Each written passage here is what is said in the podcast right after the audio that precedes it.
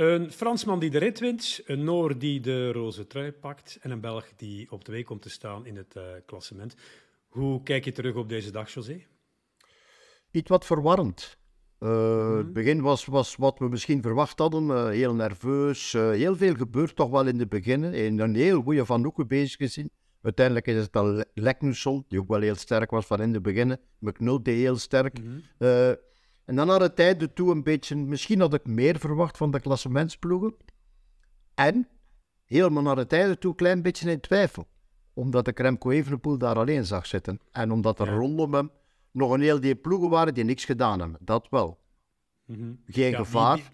Die, verwachte test is er wel niet gekomen hè, onder klassementsmannen. Ze hebben elkaar niet getest, ze zijn binnengereden. Uh, zoals je zegt, Evenepoel zat alleen Ineos ja. Grenadiers had daar nog vijf man. Roglic had ook nog twee ploegmaats bij, dus drie van Jumbo-Visma. Uh, is dat verontrustend of is dit een les? Um, ik denk, ik hoop een les en ik hoop niet verontrustend. Mm -hmm. Maar ik heb ze wel in de koers redelijk nerveus zien rijden. Dat is niet echt de trui weggeven. Hè. Dat is, ja, als je de trui weggeeft met 30 seconden, dan is dat toch wel weinig, vind ik. Ja, ze hadden Leknessoen en Parepintre en uh, consorten, ze hadden die gerust 10 minuten kunnen geven zonder in de problemen gebracht te worden. Ja, en wat krijg je dan? Dan krijg je misschien andere ploegen die komen helpen, die zeggen, ja, mhm. oh, oh, zo niet, hè. Uh, straks komen wij nog in de problemen met ons renners. Nee, dat willen we ook niet. En dat risico hebben ze niet gelopen. Mhm. Was het dan een les? Ja, misschien. Ja, uh, al bij al, als je de situatie bekijkt s'avonds, als je de balans opmaakt s'avonds, dan heb je een ideale situatie. Hè. De bonificatieseconden waren weg, daar moest niet meer voor gespeurd worden. Uh, de roze trui verhuist met een minieme voorsprong naar een tegenstander, dus DSM gaat die koers wel proberen te dragen, denk ik, op een of andere manier de komende dagen, want de, voor hen is dit een bonus. En uh, je hebt die les gekregen dat je in een grote ronde moet doseren. En nog eens duidelijk gemaakt ook dat zo'n roze trui dragen, dat dat wel iets uh, met zich meebrengt voor een ploeg.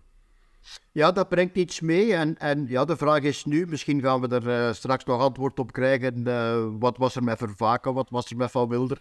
Uh, mm -hmm. Wat was er met die andere jongens die normaal gezien toch in deze groep zouden gezeten hebben? Was het omdat ze onderweg te veel moeten geven hebben? Dat zou kunnen. We hebben Vervaken wel een paar keer naar jasjes in uit doen om Remco vanuit die tweede groep terug te brengen. Mm -hmm. En nog een paar anderen. Was het dat? Oké, okay, Geban overboord was het iets anders. Ja, dan gaan we moeten nog wachten de volgende dagen. Ja. Had je na de rit in communicatie als uh, leider van de ploeg kunnen zeggen van ik heb tegen die mannen gezegd laat je maar uitzakken, ik los dat hier alleen op en uh, spaar jullie voor de komende dagen? Had dat de concurrentie niet meer op een dwaalspoor gebracht? Ja, maar ik denk dat je ervoor thuis in de zetel moet zitten. Om, om, om, de, om dit soort scenario's te bedenken. Om dit soort scenario's te bedenken. Ik denk dat je dan mhm. Als renner je over de streep komt, je kijkt rondom je en je weet wel wat er gebeurd is. Je bent een klein beetje verveeld met de situatie. Je zou het liever anders gezien hebben. Maar om daar op dat te komen, ja, daar moet je al een hele goede uh, perschef hebben. Ja. Eh, zou Remco Evenepoel tijdens die klim gedacht hebben toen hij die vijf grenadiers voor zich zag verdikken? Dat is die ploeg die mij al een tijdje aan het opvrijen is? Goh, ik, weet, ik weet zelf niet of je daar al denkt. Misschien vanuit je zetel. Vanuit je zetel. Ja? Weerom, ja, vanuit de zetel denk ik, goh, dat, dat zou wat zijn. Nee, dan of of moest, moest ik daarvoor rijden, dan zit ik hier nu als Ja, dan zat, dan zat ik hier inderdaad wel uh, ja, met een andere broek aan, voor te beginnen. Maar ja, mhm. nee. Uh, oh nee, nee, nee. Laat hem alsjeblieft nog een tijdje bij Patrick Lefebvre. Die man wordt gek. Ja. De emoties van uh, Andreas Leknessund na de etappe. Mooi wel, hè? Uh, je zag ook de tweestrijd tussen Parepintre en Leknessund. Het is niet dat er een akkoordje gemaakt leek. Ze, ze reden echt wel voor de prijs, voor de ritwinst. En Leknessund die wist, ik moet vol doorgaan als ik roze wil. Ja, ik moet vol doorgaan als ik roze wil. Uh, ik kwam alleen aanraden mocht ik, om het tandje kleiner te schakelen op die, op die beklimming daar. Dat was echt niet om aan te zien. Maar het is een mhm. hele goede renner, hè. 23 jaar. En uh, een, top, een, een, absoluut toptalent. Niet direct voor de absolute top, maar toch wel een, heel, een hele goede. Mm -hmm. uh, nog iets over Evenepoel. Die zei na de rit, die witte trui moet ik niet hebben, ik ga in mijn regenboogtrui rijden. Zoals Almeida die ook al heeft geweigerd en gezegd, ik wil de Portugese kampioenentrui, geef die witte maar aan uh, Van Wilder. Logisch, denk ik, hè? Uh, ja. Ja, normaal gezien zou Leknus ook nog, nog in die witte trui rijden, vandaar nu Remco. En zo gaan we mhm. stappen mm. achteruit. Uh, ja, ik kan me voorstellen dat Remco zegt, oké, die witte trui, de mijne is ook wit, maar er staan veel mooiere strepen op. Ja, dat is waar. Um, de regen en het natte wegdek, dat maakt mij als volger met Evenepoel in een positie die eventueel op langere termijn de Giro kan winnen, toch wel een beetje nerveus als je zit te kijken. Uh, ik denk dat dat in het peloton ook het geval is. Kijk maar naar Hesman, die, die, die schuift daar weg. Ploegmaat van Roglic pakt Roglic bijna mee ook. Dus ja, het had allemaal veel slechter gekund en je moet elk moment waakzaam zijn. Ja, op die nieuwe, die nieuwe uh, wegen van asfalt daar in, Ital in Italië, Grazie per Nuovo Asfalto, staat er dan overal. Maar uh, dat is mm -hmm. meer miserie dan wat anders, vaak. En uh, ja, in regenkoersen is altijd een, een, gevaar. Je ziet dat ook aan de gedragen in het peloton. Heel in het begin van de wedstrijd uh, zat ik te kijken en ik dacht dat het peloton bijna een kilometer lang was. -hmm. Overal ja. tussen elke renner gaten, gaten, gaten ertussen. Ja, en dan zit je maar te hopen dat er geen of niemand voor je. Je kan dan ook niet samen blijven als ploeg. En dan maakt het alleen maar moeilijker. -hmm. uh, het is zo dat uh, toch wel een zware dag uh, gehad hebben vandaag. Dat zij Evenepoel ook na afloop, onmiddellijk na afloop, van je mag niet onderschatten hoe zwaar het was. Vandaag de wegen waren lastig, het parcours was lastig, maar ook de koersgedragingen in het begin. Renaat Schotten die heeft alles van heel dichtbij gevolgd daar in Italië.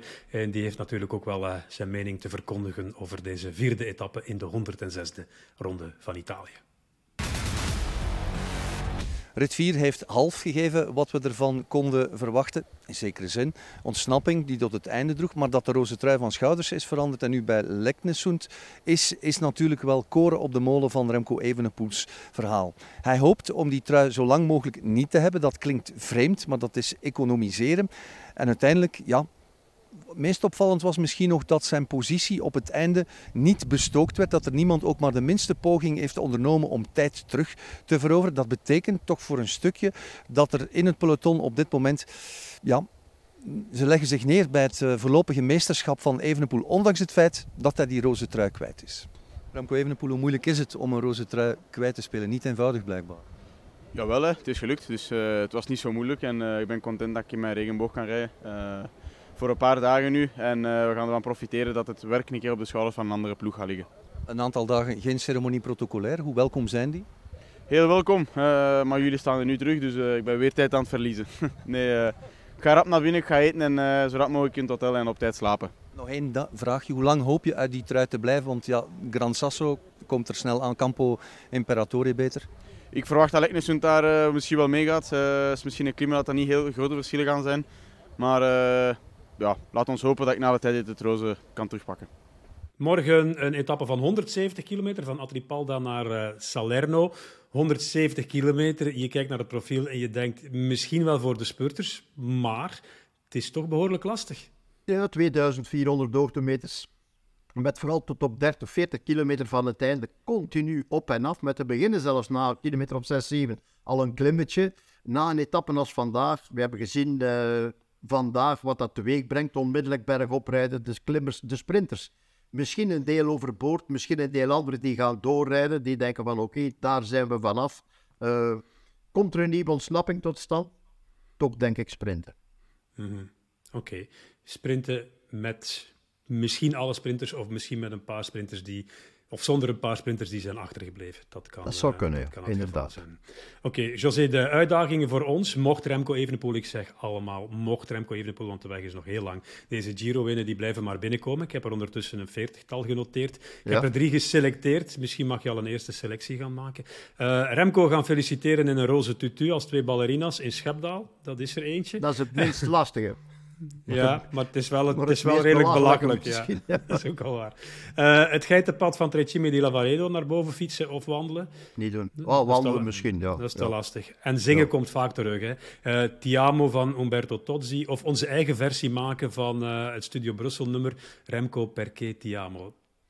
Uh, ik zou voor de laatste gaan en dan uh, een eigen versie. Hè. Dus we moeten nog een tekstschrijver vinden die iets kan, uh, een tekst maken op onze stemmen, als die er al zijn.